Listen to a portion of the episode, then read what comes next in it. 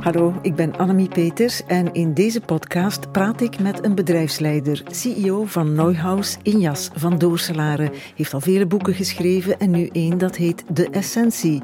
Als jonge zestiger kan hij daar terugblikkend op een rijke carrière bij onder andere AB InBev en Van de Velde veelzinnigs over vertellen. Niet alleen aan ondernemers. Voorproevers. Een hemelsblauw boek is het. Dat gaat opvallen als het ligt op de stapel nummer drie, laten we zeggen, van de non-fictieboeken in de boekhandel. Nummer één is nog toffer, hè? Injas van Doorslaren. Het boek heet De Essentie Bedenkingen van Injas van Doorslaren, bedrijfsleider bij uh, de chocolade- en de praline-fabrikant Neuhaus. Daarvoor ook chef of manager bij AB InBev onder andere. En lingerie van de Velde, allemaal luxe producten. Behalve dat bier natuurlijk, dat is essentieel. Hè? Het zijn allemaal essentiële producten. Hè? ja, pralines natuurlijk ook.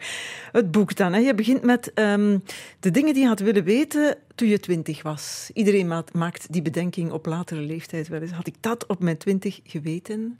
Op het gevaar af dat jongeren nu zullen denken, de nou eens altijd zeggen.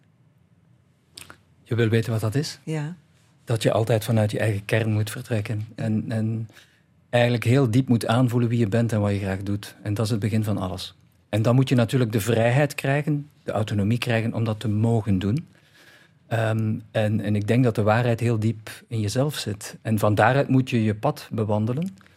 En je moet de, de onvoorspelbaarheid van dat pad aanvaarden. Het leven is onvoorspelbaar. Bedrijven willen allerlei plannen maken op drie jaar en op vijf jaar. Dat is allemaal nonsens. Uh, het leven dient zich aan zoals het zich aandient en daar moet je tegen kunnen. Dus je moet dus constant klaar zijn voor je weg te zoeken. Dat is wat je wil, wat je graag doet, in die onvoorspelbaarheid. Het boek is opgedragen aan iedereen die zijn of haar best doet. Dat lijkt me ook iets wat je moet weten als je twintig bent. Gewoon je best doen. Dat zijn de momenten waar ik spijt van heb in mijn leven. Ik heb mijn best momenten gehad dat ik mijn best niet deed. En dat was niet goed. Um, en dus ik heb heel veel respect voor wat je ook doet. Gewoon, ik beleef dat voluit. Ik doe mijn best voor mijn, voor mijn studenten, voor, mijn, voor, voor de zieken, voor, voor mijn buurman of buurvrouw. Dat maakt niet uit. Ik doe wat ik kan. En dat is moeilijk. Dat is moeilijk omdat je vaak geen zin hebt. Hè? Uh, of dat er externe dwang, een dwang is. En ja, je moet studeren voor een examen en je moet en je moet dit en je moet dat. Terwijl de, de diepe kracht zit in jezelf. En uh, als iedereen zijn of haar best zou doen, dan, dan zou het leven beter lopen. Ja, wat niet altijd kan natuurlijk. Wat je niet wist toen je twintig was dan. Want da daar hangt het eigenlijk een beetje van af. Als je je best doet, dan ben je gelukkiger. Wat ook zijn of haar talenten zijn, schrijf je er ook bij. Hè? En wat ook het resultaat mogen zijn. Want je best doen leidt niet onmiddellijk of vanzelfsprekend naar een goed resultaat. Het zijn twee verschillende dingen. Dat klopt. Eh, er is een groot, en dat wist ik niet toen ik twintig was, een groot verschil tussen streven, je best doen, willen groeien, beter willen worden, streven, dat is een positief woord, en verlangen. En dat betekent, omdat ik mijn best heb gedaan, moet dit het resultaat zijn. Of moet jij mij die promotie geven? Of wil ik nu meer centen verdienen? Nee. Of omdat ik gezond leef, zal ik gezond blijven? Niet noodzakelijk. Er is dus geen... Of er is misschien wel ergens een, een hoger toeval dat het gebeurt. Maar is niet een automatisme. Nee, het zal niet altijd waar zijn. Hè? Het zal, en je moet die verwachting kunnen loslaten en toch je best blijven doen. We zitten al diep in de levenslessen die je niet kende toen je twintig was, die geen enkele twintiger kent volgens mij. Tenzij die ouders heeft die heel veel levenslessen doorgeven. Maar ik probeer mij dan voor te stellen, hè, ziend wie er voor mij zit en jou kennend als de man die niet verlegen zit om krasse uitspraken, om duidelijke opinies, om te weten wat hij wil, hoe jij als twintiger moet geweest zijn. Dat is bijna een Friedelvraag die ik nu stel. Hè. Wat voor kind was jij, of wat voor twintigjarige was jij dan? Een slagerszoon om te beginnen, met een brilletje.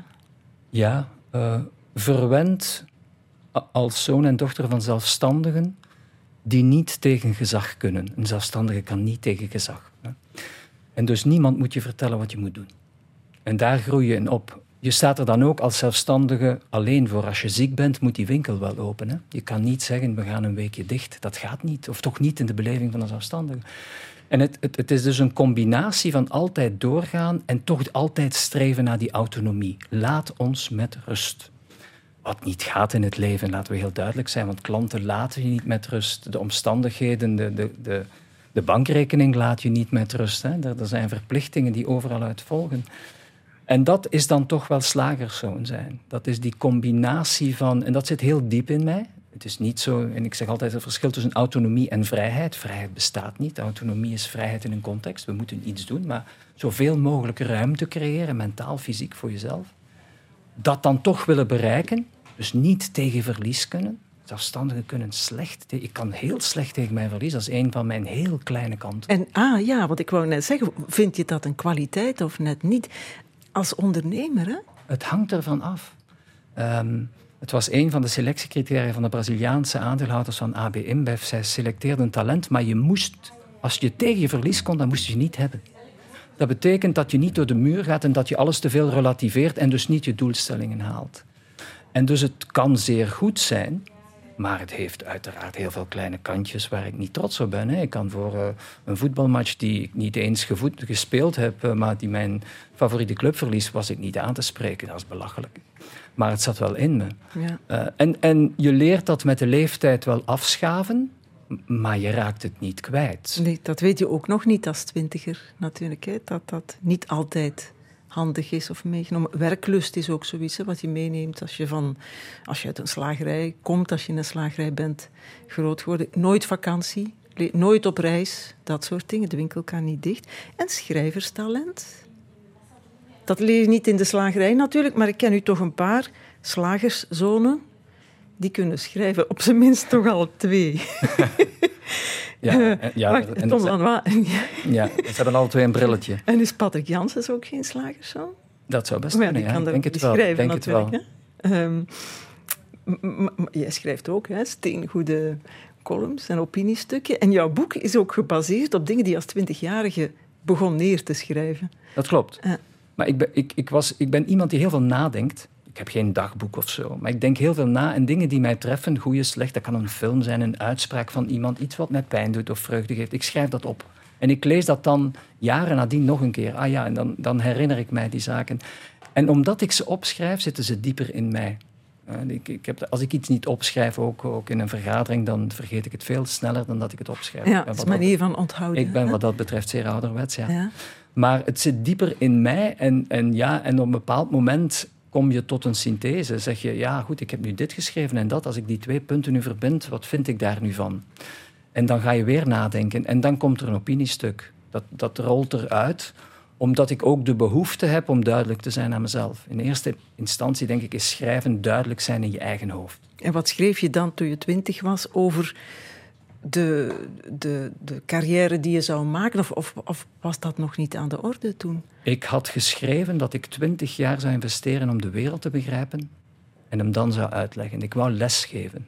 Op mijn veertigste zou ik lesgeven. Ik zou het leven ontdekken in het leven zelf. Niet via boeken of studies of doctoraten of wat dan ook. Gewoon het leven ontdekken door te wandelen in het leven. En dan zou ik het, willen, dan wou ik het uitleggen. Dat was mijn droom op mijn twintigste. Ik ben uiteindelijk geen lesgever geworden, toch niet letterlijk. Alhoewel een bedrijf leiden ook heel veel te maken heeft met inspiratie en duidelijkheid en overtuigen. Het, het, is geen dictatuur. Ja, je bent het nu ook een beetje aan het doen natuurlijk, hè? aan het lesgeven. Ik doe dat graag. Ja, Hoopten jouw ouders dat je de slagerij zou overnemen? Absoluut wel. Ik was enige zoon. Uh, en dus dat was uh, de wens vooral van mijn vader. Uh, ik heb het niet gedaan omdat ik op dat moment geen ondernemer was. Ik zag een slagerij, alle dagen om half zes opstaan, zaterdag om half vier, tot acht uur, negen uur s'avonds werken en dan in slaap vallen. Zeven dagen op zeven.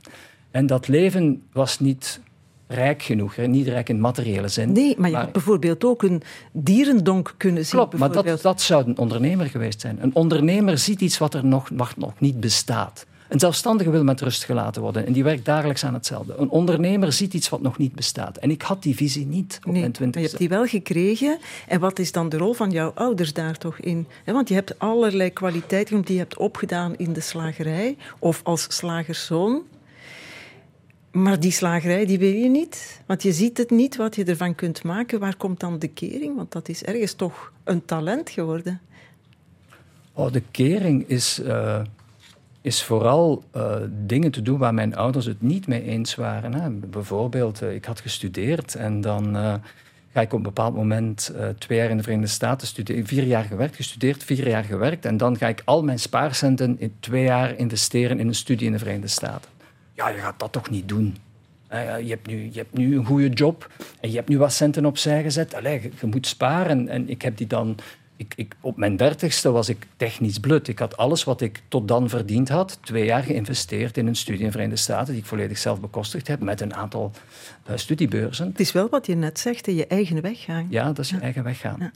En, en, en dat vind ik... En opnieuw, was dat, heeft mij dat financieel veel opgebracht? Ik weet het niet, want ik weet niet wat het alternatief zou geweest zijn. Maar het was mijn nieuwsgierigheid in het leven. Ja.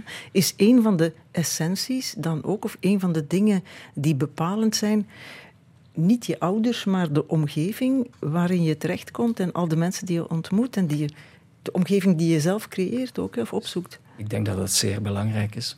Um, ik noem dat een ecosysteem. En dat gaat over vrienden, collega's, uh, mensen die je ontmoet, die je inspireren, die je nog nooit gezien hebt.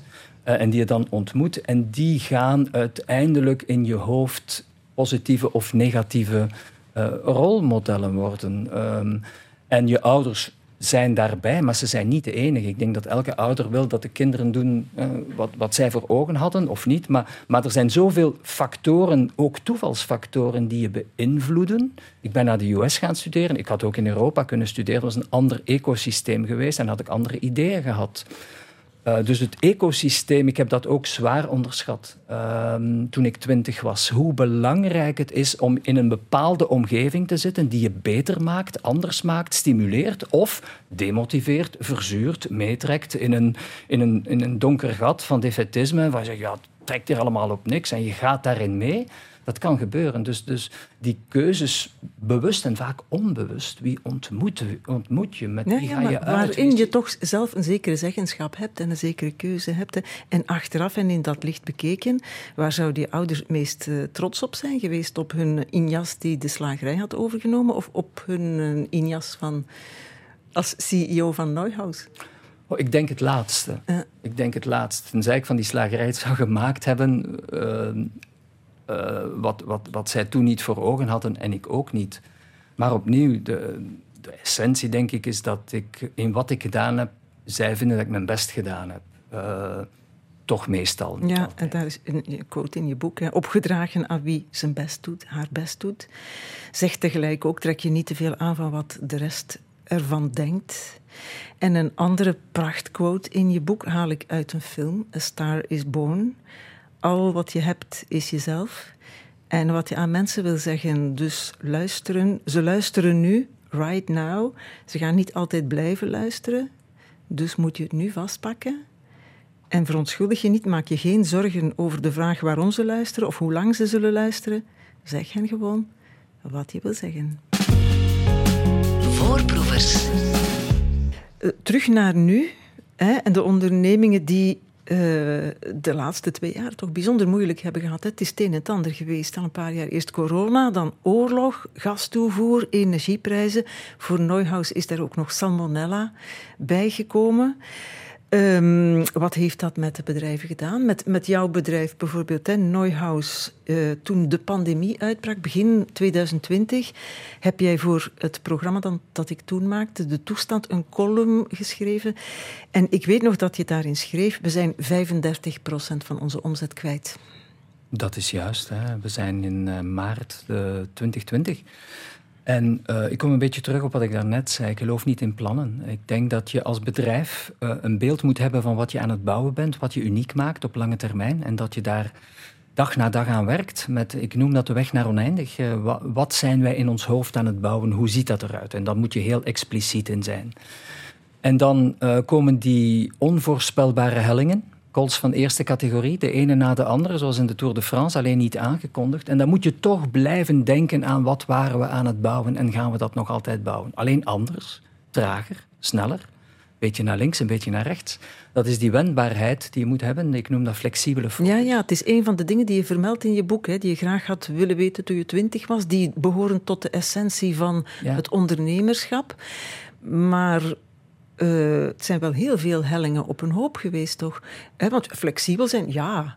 Ja, maar, moet- oneindig flexibel zijn, dat gaat Nee, maar toch ook is- niet. ik heb lang vech- vechtsport gedaan. En het eerste wat je leert in een wurggreep is zuurstofhappen. Je moet lucht happen. Als je niet die, die, als je niet die arm wegkrijgt van je, van, je, van je nek of je hals, dan stik je. En in een bedrijf heet dat cash. En je moet dus die cash onmiddellijk zeggen: ja, we, we hebben nu geld nodig. Waar ligt dat? En, maar dat is een korte termijn denken. Maar dat mag je niet van de weg brengen van de lange termijn. En je moet die constant koppelen. Hebben de cash, hebben die nog? Om in de komende 12 tot 18 maanden te bouwen wat we aan het bouwen waren. En dat moet je verder doen. En dus dat hebben wij gedaan. Eh, we hebben zo drie tot vier hellingen en de zwaarste moet nog komen. 2023 kondigt zich heel moeilijk aan naar kostenstijgingen. Gaat een veel hogere berg worden dan die van COVID. Maar zijn die putten al gevuld? Die van COVID en die Ja. van salmonella ook? Hè? Want toen moesten jullie ook pralines vernietigen. Dat Ja, is nog terwijl maar een we paar maanden geleden. Eh, we hebben dat eh, geïmporteerd gekregen van een leverancier. We hebben het eigenlijk nooit vastgesteld hebben bij ons. Het was een risico op, dus we hebben er eigenlijk wellicht geen gehad. We hebben al die schade voor niks geleden, denk ik. Ehm, maar goed, eh, ook dat is verteerd. Dus we hebben het dus keer op keer verteerd. Alleen komen we nu tot een kostenstijging ja, die we nog nooit gezien hebben. Daar zullen we ook, daar zijn we nu eh, allerlei oefeningen aan rond doen. Hoe gaan we daar overheen? En dat zal wel lukken. Eh, maar ja, je komt daar niet ongehavend uit. Niet, eh, de, de- het bedrijf is moe. Ja. Ik denk dat heel wat bedrijven, de mensen zijn moe. Eh, omdat het keer op keer denk je, we zijn er, nu is het bergaf, maar er komt een volgende aan. Ja. Maar opnieuw, dat is het leven zelf, denk ik. Hè. Dat is in, ook in het leven krijg je tegen, tegenslagen die je Maar niet op een keer moet het gedaan zijn hè, met de tegenslagen. Hè, want je, je noemt de volgende berg de energieprijzen natuurlijk. Hè. Voor chocola ook. Eh. Energieprijzen, ja, ingrediëntenkosten, eh, salariskosten. eh, wij, wij komen tot een gigantische berg van kostenstijgingen ja, in 2023. Bovenop 2022, die er al had. Hè. Ja. Vandaag is dan dat begrotingsakkoord gesloten. Heeft premier De Croo dat toegelicht in het parlement? Zijn dat dingetjes die helpen, die een beetje hoop geven? Als je dan zegt, we moeten naar de verre toekomst kijken, je moet altijd over die berg heen kijken. He- Helpt het? Wat er nu is beslist, is dat een lichtpunt? Het helpt om een beetje zuurstof te krijgen. Je zit in een, een wurggreep en je moet even Dat zuurstof was het eerste krijgen. wat je moest doen. Dat moet je doen. Dus het helpt op korte termijn. Het helpt absoluut niet op lange termijn. En we zijn geen land aan het bouwen op lange termijn. Eh, wij, wij zitten in een land dat een hele lange steile helling moet doen met, met de overheidsschulden, met zware pensioenlasten, met een steeds duurder wordende gezondheidszorg. Maar iemand zal dat wel moeten betalen. En dan zegt altijd de overheid zal het betalen. Ik, zeg, ik lach dan altijd. Zeg, de overheid heeft geen geld. Nul, niks. Het is jouw geld die naar mij gepompt wordt, of mijn geld dat naar jou gepompt wordt. Maar de overheid heeft geen geld. Dus het zijn de mensen die het betalen, de bedrijven die het betalen. Of de kinderen, de volgende generaties die het betalen. En dus wat dat betreft komen we in dit land geen meter verder. Geen het zou bijna in de grondwet moeten geschreven worden. Er is geen economisch luik in de grondwet van maximale staatsschuld. En we moeten in de top 10 van, eh, van competitieve landen zijn. Maar het zou haast moeten. Er zou haast moeten een, een verplichting zijn dat we een lange termijn doel, economisch doel hebben voor dit land. En ik zie dat niet gebeuren in dit land. Dus Eh, over de bergen heen kijken, ja. die lange termijn. er is geen Dat moeten bedrijven doen, maar dat doen ze niet Dat doet dit land niet. fronten. Het is een rode draad in de columns die jij schrijft voor kranten als De Tijd of in Trends bijvoorbeeld. Je, in jouw boek staan ook columns die niet zijn opgepikt door die kranten. Hè? De meeste. Hè. Dit is een boek met een 45 columns, waarvan er maar 4, 5 eh, gepubliceerd zijn ooit. die niet weerhouden zijn omdat ze te- over de top waren dan? Of is de censuur Nee. in die kranten, in die Nee. bladen zo sterk? Die ik niet heb ingediend, omdat ze te lang waren. Een, een, een opiniestuk heeft een bepaald formaat, zoveel woorden. En, en goed, soms is het te kort, soms is het te lang. En dan, dan trek je het niet aan en dan, dan doe je het via een ander medium. Nee, een, een boek is vrijer dan een opiniestuk. Hè. Ja, ja, dat is waar. Het is af en toe dus ook krast. Het zijn niet alleen maar verhalen over de slagerszoon en de essentie van het leven. Het is af en toe ook krast. Ik had nog één vraagje over die vernielde pralines, hè, die, die, Mhm. eh, die weggegooide pralines. Hoeveel waren er dat? We hebben ongeveer 160 ton. Een praline weegt 12 gram. Dus je moet 160 ton delen door 12 en kunnen we tot miljoenen pralines weggegooid. Dat gaat niet alleen over pralines, maar dat gaat ook over ja, lijnen of tanks eh, met chocolade en, en, en grondstoffen. En waar smijt je dat dan in? Of naartoe? Je brengt dat naar iemand die dat vernietigt. Hè. Dus wij gooien dat niet weg, we zetten dat opzij, dat wordt afgehaald en dat wordt eh, correct vernietigd. Dat het niet meer terug in de, in de, in de voedingsketen kan, hè, of de voedselketen En kan. wat doet dat met een chocoladehart van een CEO? Ehm, Maar ik moet denken aan die beelden van varkentjes die vernietigd werden en kippen die geslacht werden. Preventief, dit is toch van hetzelfde, hè? Ja, maar pralines voelen het niet. Hè. Dus, het, eh, dus dat is. eh, maar het, het, het, het- ik zou zeggen, dat was nog maar de kleine schade. Hè. De grote schade was het, eh, het volledig uit elkaar halen van het machinepark, het reinigen, vijs per vijs en stuk per stuk, eh, onderdeel per onderdeel, het weer in elkaar eh, stoppen en het dan weer opstarten. Eh, dus daar hebben we gigantisch veel tijd en productiecapaciteiten mee verloren. Maar opnieuw, het is een detail in de geschiedenis. Ja. Als, als het vertrouwen van je klant en je consument niet geschaad is omdat je gedaan hebt wat nodig was, dan vergeet de Ja, consument en dat we wel. gingen over de bergen Ja, kijken, ja. naar de lange termijn en Ja. naar wat er daarna wel weer goed zal komen. Voorproevers. Wij praten over de essentie met de boek van, van, of met bedenkingen van bedrijfsleider Injas van Doorslaren. Dikke 230 pagina's vol bedenkingen op basis van krabbels van vroeger, mijmeringen van de 20-jarige van Doorslaren, verzuchtingen van de 30-jarige, niet weerhouden opiniestukken van de 40-jarige, terugblikken van de 50-jarige en wijsheden van de 60-jarige. Zoiets, hè? Dat is een mooie optelsom. Ja. De essentie, daar moeten we wel mee besluiten. Hè, met die essenties van het ondernemerschap, die voor een deel gelijk lopen met de essenties van het leven. Of de essentie van het leven. Ballast weg, ik vul in. Hè. Ik, eh, wat ik begrepen heb met stip op één. We hebben het al gezegd, volg je eigen keuzes.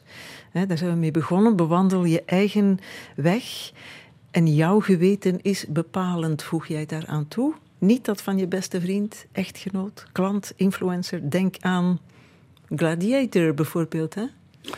Ehm, ik, ik, ik denk, eh, ik ben zelf geen religie- religieus mens, ehm, maar ik denk dat het laatste oordeel van je laatste dag je geweten is. Eh, wat, wat heb ik goed en slecht gedaan? En ben ik het daarmee eens? Hè? Dat is een zeer persoonlijke interpretatie van, van zaken. En eh, ja, dat geweten volgen is, is moeilijk, maar uiteindelijk, vroeging is, is de ergste pijn.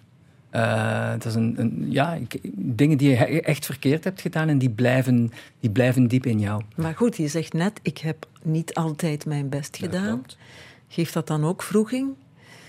Ja, Spijt, hè? want terugblikken op je twintig en denken, had ik het maar geweten, dat is ook spijt hebben voor een deel. Hè? ja, maar wie geen spijt heeft, heeft niet geleefd, zeg ik. Hè? Dus bedoel, eh, ja, iemand die zegt ik heb van niks spijt, die geloof ik niet. Eh, dat betekent niet dat je niet achter de keuzes moet staan, ook al zijn het de verkeerde keuzes. Op dat moment neem je keuze A of neem je keuze B. Je, je dient je ontslag in ergens in een bedrijf en je had het misschien niet moeten doen of omgekeerd. Eh, je had het wel moeten doen, maar je bent gebleven. En dan heb ik het over, kun je ook over privékeuzes hebben. Maar je, ik zeg altijd, je bent wat je doet, maar je moet er wel naar terugkijken van zou ik het nog een keer doen. Ehm, en dus ja, het, ik, ik, ja, het laatste, oor- het geweten is een hele, een hele belangrijke. Ja. En de klant. Want het is de klant, Mhm. ik, lees, ik citeer uit jouw boek, hè? het is de klant en niet de aandeelhouder die het bedrijf financiert. Klanten stemmen ja als ze kopen en nee als ze niet kopen. Dat is zo. Hè? Dat is, eh, wat dat betreft is, is dat een zeer duidelijke en eerlijke vorm van democratie. Iemand die zijn geld of haar geld uitgeeft voor jouw product, die is het ermee eens. En uiteindelijk is het de klant, eh, dat is niet alleen een financieel gegeven, maar dat is ook een gegeven van inzet. Je doet het voor de anderen. Je maakt radio voor de luisteraar. Je geeft les voor de student. Je maakt pralines opdat je het lekker zou vinden en wat ze mooi verpakt is. Je doet het voor de anderen. En om geld te verdienen natuurlijk. Ja, natuurlijk. Maar dat is het spel, dat is het economische spel wat erachter zit. Maar, maar eh, als je lesgeeft, is dat niet zo. Hè? Dan, dan, dan verdien je er geld mee, maar het is, er is geen return model van eh, hoe beter je lesgeeft, hoe meer je krijgt. Eh, maar dat, is, dat is hier ook niet hoor, meneer Van Doorslagen. Ja, maar dat geeft niet. Je doet het voor de anderen. Hoe meer vragen ik stel, hoe meer ik krijg. Ja, ja, misschien. Nee, maar de vergelijking gaat wel op. Hè. Voor mijn bedrijf ook. Hè. Enfin, voor de VRT, dan niet eens mijn bedrijf. Maar de klant, de luisteraar, stemt ja als hij luistert. Hè? Dat klopt. Ja. En dat is de keuze die hij of zij maakt. En als die achteruit gaat, dan betekent dat er iets niet goed is Ja. aan wat je aan het doen bent. Of, of, of iemand anders die het beter aan het doen. En dat geeft je zelf, zelfvertrouwen, dat geeft je energie, zonder dat dat over ge- geld hoeft te gaan. In een bedrijf gaat het wel over geld. Maar in het leven niet altijd. Een bedrijf is meer dan klanten natuurlijk. Een bedrijf is ook de werknemer. Ja, En mensen maken het verschil in bedrijven. Dat is ook een hele belangrijke. En mensen kunnen het verschil maken als de werkcultuur goed zit. En dat hangt toch ook af van de leider, van goed leiderschap. En dat is een hele belangrijke en een hele moeilijke. Eh, want wat is goed leiderschap? Je moet, je moet A, je moet duidelijkheid geven aan mensen van waar gaan we naartoe, wat vind ik van jou en vertrouw ik jou. En als je het niet goed doet, moet ik het ook durven zeggen. Want andere mensen merken als iemand het niet goed doet. Eh, zoals in een voetbalploeg. Iemand weet van, ja, die speelt niet goed, waarom staat hij nog op het veld? Dus je moet ook soms keuzes maken in het belang van het team tegen individu A of B. En, en dat, dat is niet altijd makkelijk, want het gaat altijd over een moeder, een vader, een, een kind van iemand die je dan pijn doet of ontslaat. Maar je moet het wel doen. Maar dat ecosysteem, het feit dat je voor elkaar gaat, het feit dat er positieve energie is naar elkaar, dat is zo mooi op papier en zo verschrikkelijk moeilijk in het echte leven. En dat je eh, werk niet te veel als overbodig ervaart. Dat je eh, het gevoel hebt dat wat je doet zinvol is. Dat is toch ook een hele belangrijke. Authenticiteit wordt altijd genoemd als het gaat over werknemers die zich goed voelen. Maar ja, zinvol werk toch ook. Hè? In sommige, dat is heel belangrijk, maar zinvol werk kan in het werk zelf zitten. Wat jij aan het doen bent is zeer zinvol, maar het kan ook, sommige taken zijn banaler dan wat wij hier aan het doen zijn. En toch moet dat zinvol zijn. En dat heeft het dan te maken met de collega's, want je leeft in een gemeenschap. Als je aan een machine staat en je moet een aantal dingen tellen, ja, dan is dat niet echt boeiend als je dat acht uur op een dag moet doen. Maar dan toch moet je proberen om dat zinvol te maken door een sfeer te creëren waar mensen ja, plezier hebben in wat ze aan het doen zijn. Maar dat is natuurlijk zeer relatief voor sommige jobs. Ehm, en dus, eh, wij hebben het geluk gehad, ik ben verwend geweest in de zin dat ik mijn, mijn job altijd graag heb gedaan. En dat is ongelooflijk belangrijk. En dat ik die keuze heb kunnen maken. Niet iedereen kan dat doen. Nee, het is ook niet moeilijk om onze job graag te doen. Hè? Het zijn toffe jobs. Ja, dat klopt. Maar dat is, een, dat is niet altijd het geval. En dan moet je toch in repetitieve taken proberen variatie, een stuk vorming, een stuk training. Eh, mensen laten voelen dat ze erbij horen, door het, het grotere verhaal te brengen, door ze een goede leidinggevende te geven, want dat is een heel grote bron van frustratie. De kwaliteit van de, leiding, de direct leidinggevende, niet, Zeker, niet de- die vertrouwen geeft. Hè? die vertrouwen geeft, Ja. die je ook laat groeien, die je ook beter maakt in wat je doet. Die niet te veel wil vergaderen, want dat is toch ook, wordt toch vaak gepercipieerd als zinloos. Eh, er wordt te veel vergaderd. Eh, er wordt heel te veel, maar er zijn ook mensen die zich goed voelen. Dat is dan hun ecosysteem goed vergaderen. Of dat dan altijd zinvol is, weet ik niet. Maar dat is een hele taaie. Eh, omdat, omdat ja, er, hoe- hoe- deze maatschappij en ook bedrijven worden steeds complexer. Er is steeds meer administratie, er is steeds meer controle. Kijk naar het onderwijs. Ik denk, denk dat een onderwijzer, hij of zij, graag les geeft en voor die klas staat. Maar als je kijkt naar alle vormvereisten, pedagogisch, naar controlemechanismes, naar mogelijke klachten van ouders, naar ombudsmensen, wat daar rondkomt en hoe die administratie, dat kader, eigenlijk belangrijker wordt dan het schilderij. Het schilderij is wat er op papier staat, is wat er gebeurt in het leven, dat is het lesgeven. Het kader zijn alle vormvereisten eromheen. Die worden steeds belangrijker, jammer genoeg. En daar verzet ik mij tegen, want het is een moeilijke strijd. Ja, en dat is ook waarom zoveel onderwijsmensen ermee stoppen. Hè? Er de brui aangeven. Ik denk dat wel, Dat ja. de verhoudingen niet meer kloppen. Je hebt een eigen bedrijf ook, hè? dat heet 4F. Mhm. En die vier F's die staan voor Flexible, Focus, Fair en Fight. Ik ben, terwijl ik het lees, aan het denken, bestaat daar ook een Nederlandse 4F... Nee, het moet in het Engels. Nee, het moet in het Engels. goed, we verstaan dat, hè. Flexibel, focus, fair en fight. Is dat ook een soort samenvatting van de essentie? Ja, en de metafoor komt uit de vechtsport. Ik heb lang vechtsport gedaan. Focus is, ik moet al mijn energie in mijn tegenstander eh, brengen met een vuistslag. Maar eigenlijk is dat, is dat een focus van energie. Dat, dat is een keuze maken. Twee, maar die gaat niet blijven staan. Hè. Die gaat bewegen. Hè. Die, gaat, eh, die gaat naar links of naar rechts. En toch moet ik hem raken. Dat is de onvoorspelbaarheid en toch die focus. Fighting spirit, dat zit aan je binnenkant. Dat is ervoor gaan. Dat is of weglopen, ik kan dit niet, dat is de nee in het leven, doe dit niet, dat ben jij niet. Of de ja in het leven, maar ga er dan ook voor. Dat zit aan je binnenkant. En fair, hou je woord. Uh, maak afspraken en hou je aan die afspraken. En dat is een, een hele belangrijke in, in, in, in de bedrijven die ik, die ik leid of probeer te leiden. En te zeggen van focus, keuzes maken, het het onvoorspelbaar aanvaarden. Je niet doodplannen en niet constant alles zitten te voorspellen. Want plannen komen toch nooit uit zoals gedacht zijn? Nee, dat klopt.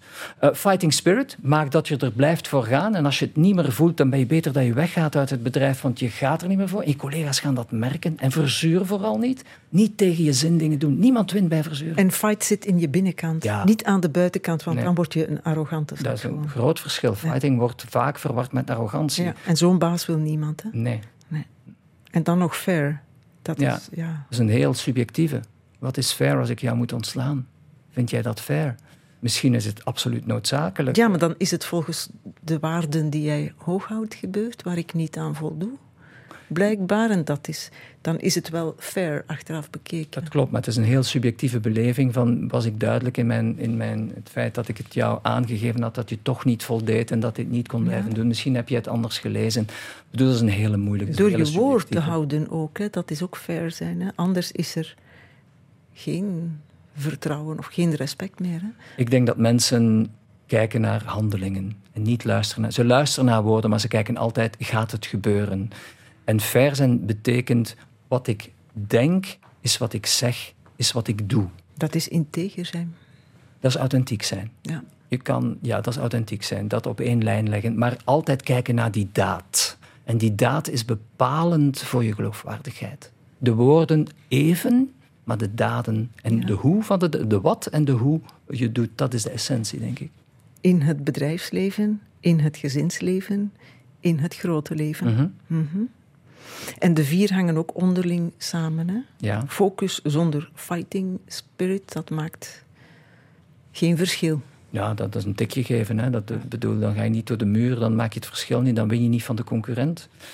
En flexibel zonder focus, dat is gewoon een chaot die niet weet wat hij wil. Die doet maar wat en die noemt zichzelf flexibel, maar die heeft geen enkele richting in het leven. En, en zonder fair play, ja, dan ben je een dictator. Hè? Dan, dan ga je over lijken. Hè? Dan, dan haal je de resultaten no matter what, no matter how. Ja, dat, daarover gaat het ook niet. Dus Had je, dat maar allemaal geweten op je twintigste? Ja, maar misschien, wordt misschien weiger ik uh, oud te worden. Ja, had voel je ik dan, af en toe nog twintig. Had je dan gezeten waar je nu zit? Of had je dan heel andere wegen gekozen? Het doet er eigenlijk ook niet. Nee, ik, heb ik ben de keuzes die ik gemaakt heb. Ja. Dus, uh, en achteraf is alles makkelijk. Absoluut. Achteraf telt niet. Achteraf is fictie. Ik lees ook uit jouw boek. Hè. Ja, dat is zo. Nog één om het af te leren. Respecteer altijd de mens die zijn of haar best doet. Dat is het mooiste en het meest ontroerende wat er is. Mhm. Daar hoeven we geen commentaar meer op te geven, denk ik. De essentie, bedenkingen van een bedrijfsleider, is uitgegeven bij Ertsberg. Dank je wel. Jas van Doorselaren. Het is al voorbij, het is al gedaan. Ik dank u. Voorproevers. Dat was een podcast van Voorproevers. Alle andere afleveringen zijn te vinden in de app van VRT Max. Voorproevers.